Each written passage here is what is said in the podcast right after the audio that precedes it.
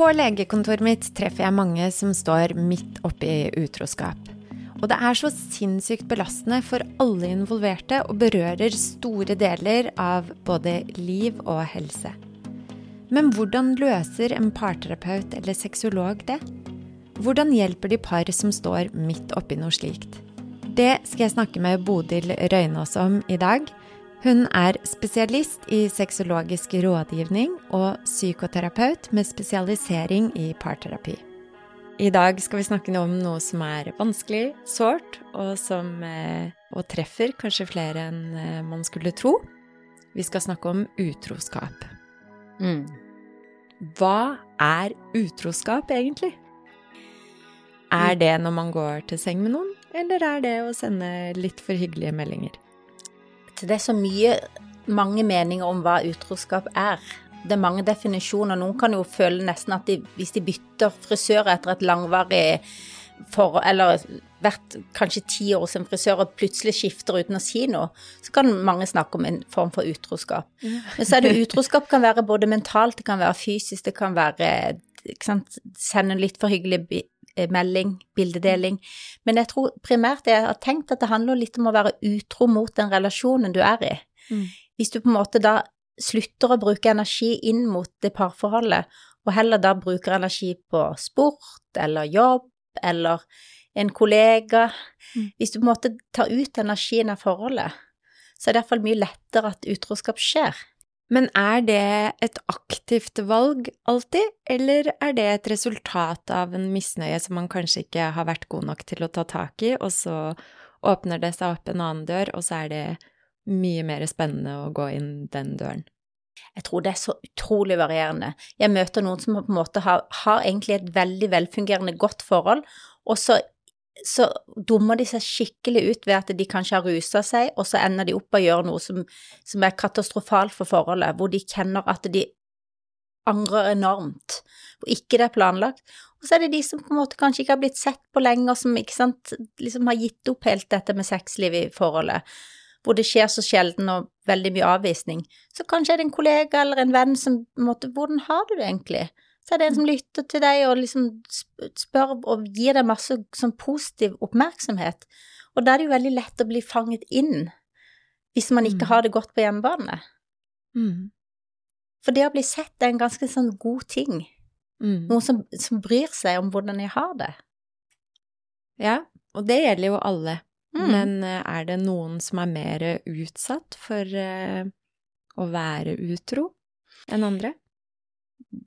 Altså, det er vanskelig å kunne tørre å si noe om, men det, handler jo litt om en, e- ens egen etikk og moral, sånn i utgangspunktet, men, men tenker at skal jeg være trofast eller ikke? Nå snakker disse unge om at er vi eksklusive eller ikke, og der er jo også ja. noen saker om, ikke sant? Hva Hva betyr det? Ja. Ja, eksklusive betyr jo at en kun har sex med hverandre, og i disse datingtider, når folk på en måte treffer mange ulike og dater mange ulike, så er det jo ofte at det går en stykke tid før man blir eksklusive. Altså ja, at kun man bare har sex med hverandre, på en måte. Ja. Mm. Og det er klart at i et så sårbart tema som sexliv, så blir det ofte litt sånn lett at man kanskje blir mer sånn kynisk, at man ikke legger så mye følelser i sexen Mm. i starten. For det at det er så sårbart, er vi liksom mer enn bare sexpartnere. Mm. Før ble man kjærester, og så hadde man sex, kanskje. Og nå Mm. har man sex, og så blir man kanskje kjærester.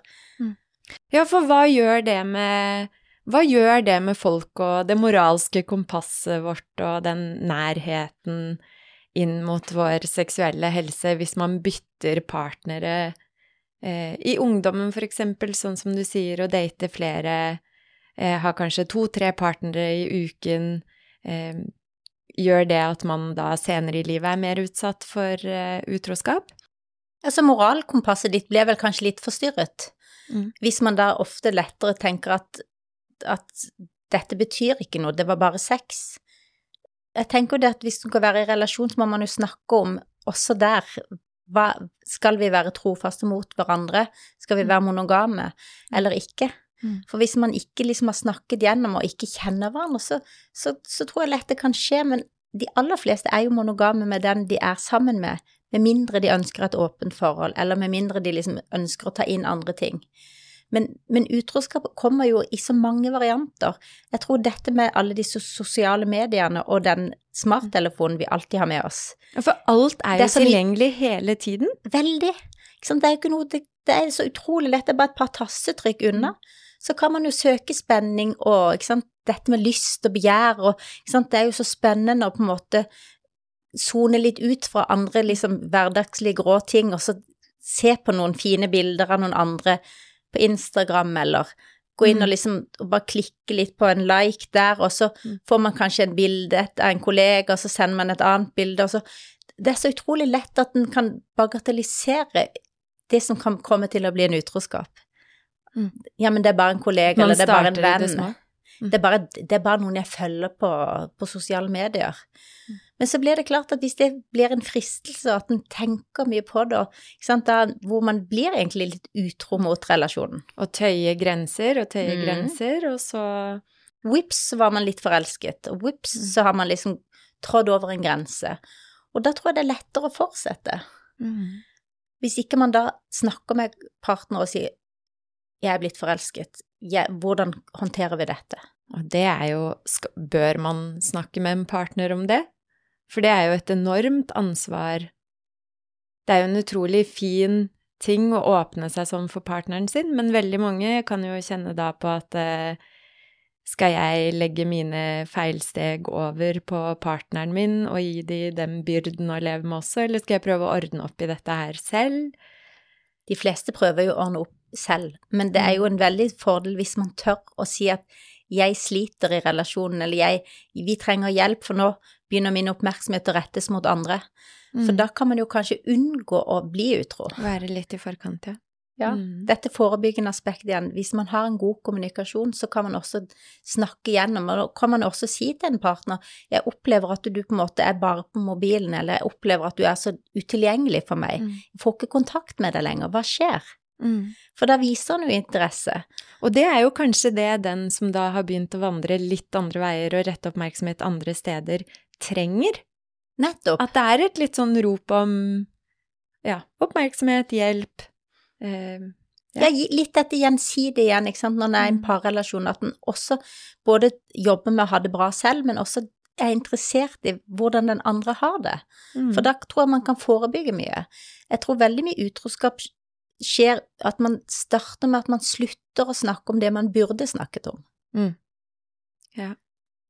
Men hva tror du, med tanke på at alt er så tilgjengelig, vi har alt inne på denne telefonen, gjør det at vi velger den lette utveien og vie oppmerksomheten ut litt oftere, og at man, terskelen for å jobbe med ting er høyere inn i parforholdet? Jeg kan ikke si det helt sånn konkret, men jeg Nei. tror jo veldig at samfunnet er jo litt retta veldig på ego, egofokus. Mm. Hvordan har jeg det? Og da er det veldig lett at man liksom kanskje bagatelliserer hvordan det man bruker tiden på. Når Mm. man ser at folk har kanskje fem timer skjermtid etter jobb, hvor mange timer har man tilgjengelig våkne? Det er klart at fokuserer man tiden på å scrolle og alltid ha oppmerksomheten vendt bort fra den man lever med, så er det iallfall mye lettere å på en måte føle seg altså nedprioritert. Mm.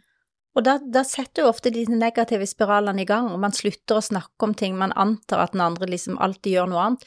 Så blir det ofte mistenksomhet. For, for dette med at hvis Eksempelvis du da begynte å diskutere mye som personlige ting med en kollega av deg, Mm. Og ikke med kjæresten din. Så hvis kjæresten oppdaget at du på en måte hadde blitt bestevenn med en kollega, Mm. så er det jo mange som opplever det som en mental utroskap. Mm. For du vier energien din til en annen istedenfor kjæresten din. Mm. Det er jo kjempesårt, det også, men hva er verst? En sånn mental utroskap hvor man har følelser og en åpenhet og nærhet, eller er den fysiske utroskapen med for eksempel samleie, kyss osv. verst? Jeg tror utroskap generelt er ille.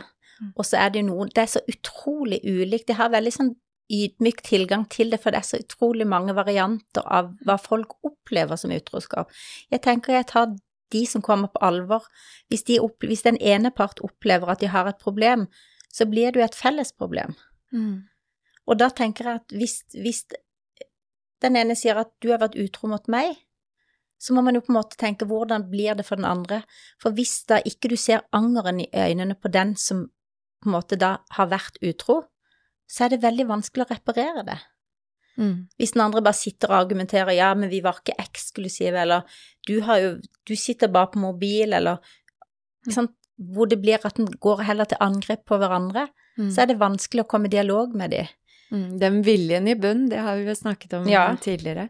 Og det vi også har snakket om, eh, vi har en tidligere episode om eh, sexlyst og ulik sexlyst i parforhold, Mm.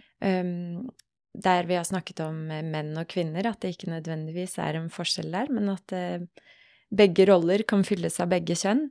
Hvordan Mm. er det med utroskap og måten å være utro på? Er det en forskjell hos kvinner og menn? Jeg vet ikke egentlig, men at det er jo ofte noen er mer taktiske enn andre. Mm. Jeg opplever at det er mye utroskap blant kvinner, det er mye utroskap blant menn. Mm. I både heterofile og skeive forhold så er det mye utroskap, og så er det Mm. kanskje litt med hva er det samfunnet aksepterer? Ikke sant? Mange leser liksom på annonser i aviser, ikke sant, fem tegn på at partner er utro. Ikke sant?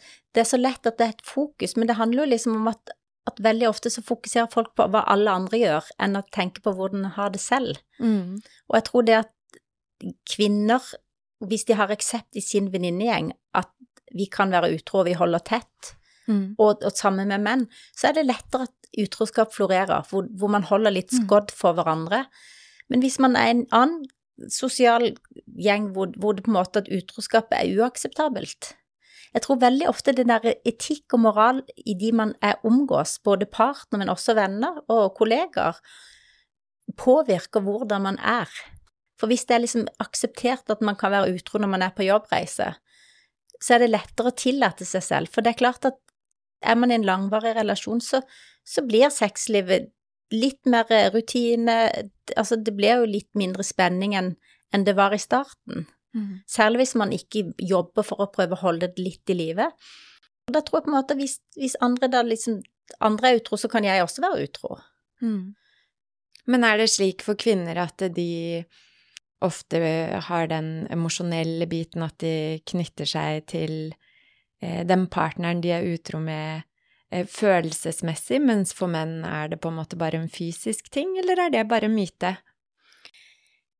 Min erfaring kanskje at jeg opplever mer at det er en myte, fordi at jeg møter mange kvinner som fysisk bare har hatt sex, hvor ikke det har betydd noe, og så møter jeg mange par hvor mannen har blitt emosjonelt knytta til en annen person, Mm. og også da hatt sex etter hvert. Men jeg tror veldig ofte det er mange som er ensomme i parrelasjon, hvor man på en måte føler seg ikke sett, man føler seg litt alene, man får ikke nær, nærhet og hudkontakt. Og da er man egentlig veldig sånn sårbar for andres oppmerksomhet. Og da tror jeg ikke sant, at om det er kvinner eller menn, altså jeg er ikke så ute etter hvem som er på hvilken måte, for jeg tror det er mer egentlig individuelt at par er så ulike, så tiltrekkes man av noe ulikt enn selv. Mm. Men jeg tror det er mer betinget av, av man selv, hvordan man forholder seg til det å være tro eller ikke mot en partner, Mm. i forhold til hva venner sier, hva liksom, det miljøet man går i, sier rundt utroskap, og ikke minst hva samfunnet sier. Hvor stor aksept det er eller ikke aksept. Og det er jo også veldig viktig i bearbeidelsen av eh, når først utroskap har vært et tilfelle i et parforhold. Mm. I alle fall så eh, møter jeg jo en del pasienter som har opplevd det, som sliter med søvn i ettertid, som sliter med angst og eh, som trenger eh, sykemelding til jobb, for de klarer ikke disse dagligdagse tingene de skal få til, for det hodet og skuffelsen bare okkuperer alt de står i. Um, og veldig mange forteller at eh, nesten det verste er alle fordommene eh, og skammen eh, ved å ville kjempe for å få partneren tilbake, når det er partneren som har vært eh, utro. Det er mange som sitter At jeg skulle sitte her og kjempe for en partner som har vært utro mot meg, det hadde ingen trodd. Og det hadde iallfall ikke jeg trodd. Men det er mer på spill. Ikke sant? Man kan teoretisk mene noe. Hvis du er utro mot meg, så går jeg. Ja. Og når det skjer, så blir det mer sånn følelsesmessig. Kanskje har man en altfor god relasjon til å gi slipp. Altså, hva var det som skjedde? Var det en engangshendelse? Var det en episode hvor du ser at partner angrer skikkelig? Du ser liksom at angeren er dypfølt, og at de liksom klager. Unnskyld, jeg mente ikke å såre deg. Så tenker jeg at hva andre måtte mene Vi, vi ble veldig påvirket. Altså, den der sosiale statusen. Mm. Man er oppe, oppe etter liksom å holde den ved like og liksom være som alle andre. Men når det rammer, så tror jeg på en måte det å tørre å bare tenke at dette handler om mitt liv Mm. og min hverdag, hva alle andre måtte mene, for så å være. For det, handler om hvordan man lever, det er ikke bare å gå fra hverandre. Hvis man har barn eller i det hele tatt mye sånn felles av venner og familietilknytning, så Det er har det jo tøft. kjempestore konsekvenser. Veldig. Men så har man jo kanskje behov for å snakke om det med sine nære og kjære. Mm. Eh, og noen møter jo da på mye fordommer, mye sterke meninger. Du burde gå fra han eller gå fra henne, hun er ikke bra, eller han er ikke bra nok for deg, og Mm. eh, sånt. Men hvilke råd har du til eh, venner eller familie som får fortalt eh, at eh, det er utroskap i et forhold, og skulle støtte dette paret gjennom det? Mm, hvilke råd har du til de? mitt beste råd er at man lytter, og at man bare hører hva man kan gjøre for den andre, uten å på en måte dømme. For det er så lett å dømme at jeg ville gjort sånn, men ofte, sant, hvis en snakker med et familiemedlem eller veldig god venn, så vil de ha ofte ha en agenda bak det de sier. Så jeg tenker et sånn type utroskap, så kan det ofte være lurt å snakke med en nøytral tredjepart som ikke har noe mening bak. For da, hvis man har lyst til å fortsette, og har sagt at partneren har vært utro i fire år med en kollega, så er det vanskelig også for den familiemedlemmen hvis den velger å bli. Hvis den har sagt så mye stygt. Så hvis du på en måte har noen som betror seg, bare lytt og ikke kommenter. Mm. Prøv å bare liksom være der for dem og spør hva du kan bidra med. Mm. Og heller liksom si at jeg støtter deg uansett, for det betyr så enormt mye at noen bare sier uansett så vil jeg støtte deg, det er ditt valg. Mm. Kommer det mange inn til deg med, som står overfor utroskap? Hvor mange av de du møter, står i den situasjonen? Jeg møter mange med utroskap. I noen dager kan jeg ha bare utroskapssaker. Av ulike varianter. Gammel utroskap, helt ny, nyoppdaga utroskap. Eh, ting som på en måte har ligget og gnissa, kanskje har vært utroskap tidligere, og så dukker det opp igjen. Mm. De aller fleste tåler ikke utroskap flere ganger av samme partner. Og da tenker jeg Da bør man kanskje vurdere å gå, hvis man mister jeget sitt oppi alt, at man liksom mister seg selv Mm. da tror jeg på en måte da er det ikke noe bra å være i en relasjon. For noen kanskje har ikke det der moralkompasset og tenker at utroskap, ja, men sånn er jeg. Jeg tenker at du må jo også da ha en vilje til å gå ut av det. For, for det finnes så mange typer, og jeg tror det at hvis man da kan snakke med noen som enten bare lytter til deg og bare støtter deg uansett, om det da er en venn eller familie, og hvis ikke det fungerer, så snakk med en annen profesjonell, for da kan man jo også bare få liksom få litt ulike synspunkter, for det er mye utroskap. Dessverre. Og hvilke livsfaser og aldre er man mest utsatt for trå feil? Det er vel kanskje veldig ulikt, men det er ofte liksom i disse overgangsfasene, opplever jeg. Mm. Enten liksom tidlig relasjon før man liksom blir eksklusive. Det er også i, liksom i småbarnsfasen hvor man kanskje har lite overskudd og tid til hverandre. Man føler seg ikke sett. Mhm. Så er det kanskje når barna blir litt større og man kanskje har glemt å ivareta og- hverandre, at man har levd kanskje parallelt i mange år. Eller når barna flytter ut, hvem er du? Man har liksom glemt å kanskje ivareta hverandre og, og ikke hatt, hatt noe aktivt eh, intimitet og sex gjennom mange år. Mm. Og, men jeg tror det allikevel at det er jo allikevel ulike faser i livet, og hvis en først får en fascinasjon, så handler det om liksom, hvis ikke man snakker noe om det og bagatelliserer det, det går sikkert over, så er man jo ofte litt i gang med å, å ta energien ut av relasjonen. Mm. For det er ikke så viktig, for der man har kanskje tappa viljen litt gjennom mange år. Mm. Men jeg tror ikke det nødvendigvis er noen faser som er verre enn andre. Jeg tror bare at det er veldig sånn avhengig av hvor du er i livet. Mm.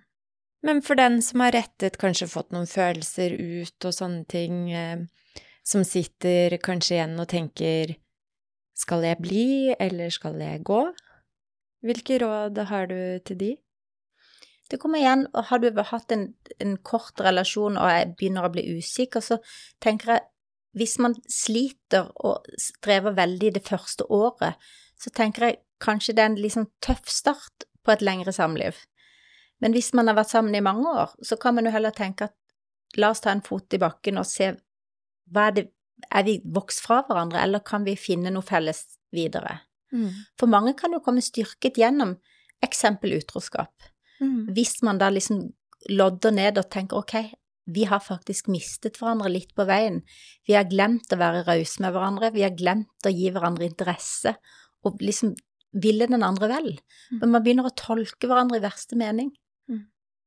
Og hvilke, hvordan skal man jobbe seg gjennom det? Det er også individuelt, men jeg tror det at det å kunne lære seg å snakke sammen og lytte til hverandre er essensielt.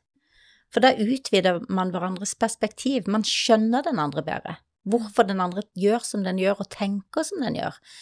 Og når man ikke får det til, oppsøk hjelp, og få noen til å hjelpe deg til å på en måte øve opp evnen til å kommunisere. Øve opp evnen til å på en måte kunne snakke om alt fra lyst, men også følelser, eh, skuffelser, og gå gjennom ting som har vært vanskelig, for da kan man jo også på en måte gå litt med en litt lettere ryggsekk videre i livet. Mm. Og disse parene som da opplever eh, utroskap og kommer og ønsker å jobbe med det, ønsker å jobbe seg gjennom det, opplever du at mange lykkes med det, eller er det vanskelig? Jeg opplever at mange lykkes hvis man ser angeren i øynene på den andre, Mm. og hvis man har vilje til å på en måte tørre å være ærlige, snakke sammen, bruke tid på å jobbe relasjonen bedre. Mm. Hvis man tenker at det er en quick fix, så går det jo ofte dårlig. Mm. Og så er det jo liksom definisjonen at, ikke sant, hva er ens egen moral i forhold til man, hvor tøyer man strikken? Hva er det å være utro? Ikke sant? Når man ser på, sant, sitter og ser på, på nett, og, sant, så er noen kanskje inne på en datingside bare titter litt med en fake profil, for det er spenningssøkende, ikke sant, det er så mye traurig hverdag og masse liksom tung tematikk, så blir det en veldig sånn litt sånn flukt. Og lyst og begjær sant, gjør jo ofte at vi glemmer litt den fornuften. Mm. Så lar vi oss drive av noe. Og da tror jeg mange kanskje kan la seg drive inn i noe som de bagatelliserer. Ja. Som blir veldig vondt for den andre å oppdage, ikke sant. Så plutselig kommer det opp liksom meldinger fra en, fra en annen person som liksom som en sexmelding, Mm. hvor de kanskje har tenkt at det er jo så uskyldig. Mm. Det er jo bare noe vi Vi snakker jo bare. Ja. Eller vi har ikke møttes, det har ikke vært noe fysisk. Men det er der, ikke sant, det er så ulikt hva man definerer som Ja. utroskap, det, hvordan det oppleves for den enkelte. Dette er jo et veldig stort tema, og det er veldig mye vi kan snakke om innenfor dette, men eh, jeg tenker at det som er eh, viktig at folk der ute vet, og som har vært veldig fint med samtalen i dag, er viktigheten med å snakke med en partner, sette grensene sammen, være enig, ha den kommunikasjonen, og farge forholdet med de fargene som passer deg best, og Mm. ikke som eh, alle andre forventer at du skal ha, for at dere skulle, skal kunne fungere godt sammen. Og utroskap er jo veldig stort og sårt, og det er mange meninger og skam rundt det. Eh, men fordommer fra de rundt gjør det kanskje desto verre. Mm. Så hvis man kjenner noen som er i et forhold eh, hvor det har vært utroskap, um, at man er litt raus og lytter, sånn som du sa, så mange fine Mm. råd, i stedet for å legge sine egne fordommer over på de som står i noe som er stort og vanskelig allerede. Og også det å tenke at eh, utroskap kan være en vekker i et forhold som kanskje ikke har blitt prioritert fra begge parter over lang tid. Mm. Og at man kan komme styrket ut av det på andre siden, og ikke ha skam eller dårlig samvittighet for at man ønsker å kjempe for en partner som har vært utro, men at man ser på helheten og ser på hvordan man kan løse det for å få det bra i fremtiden. Ikke sant. Også det, igjen det forebyggende. Det å på en måte, er man i en relasjon, pass på å bruke tid på hverandre. Ta energien inn i relasjonen og vær liksom interessert i hva den andre driver med. Vis interesse og ha lyst til å tilbringe tid sammen. For i de travle hverdagen vi lever i, så tror jeg det er liksom mangel på tid og oppmerksomhet gjør jo at den soner litt ut. Mm. Takk for en veldig fin eh, prat i dag, Bodil. Takk skal du ha. Takk for at jeg fikk komme. Tusen takk for at du hørte på i dag. Hvis du syns dette var spennende, del det gjerne med de som burde høre det. Følg oss i podkastappen din, så høres vi neste uke. Ha det fint!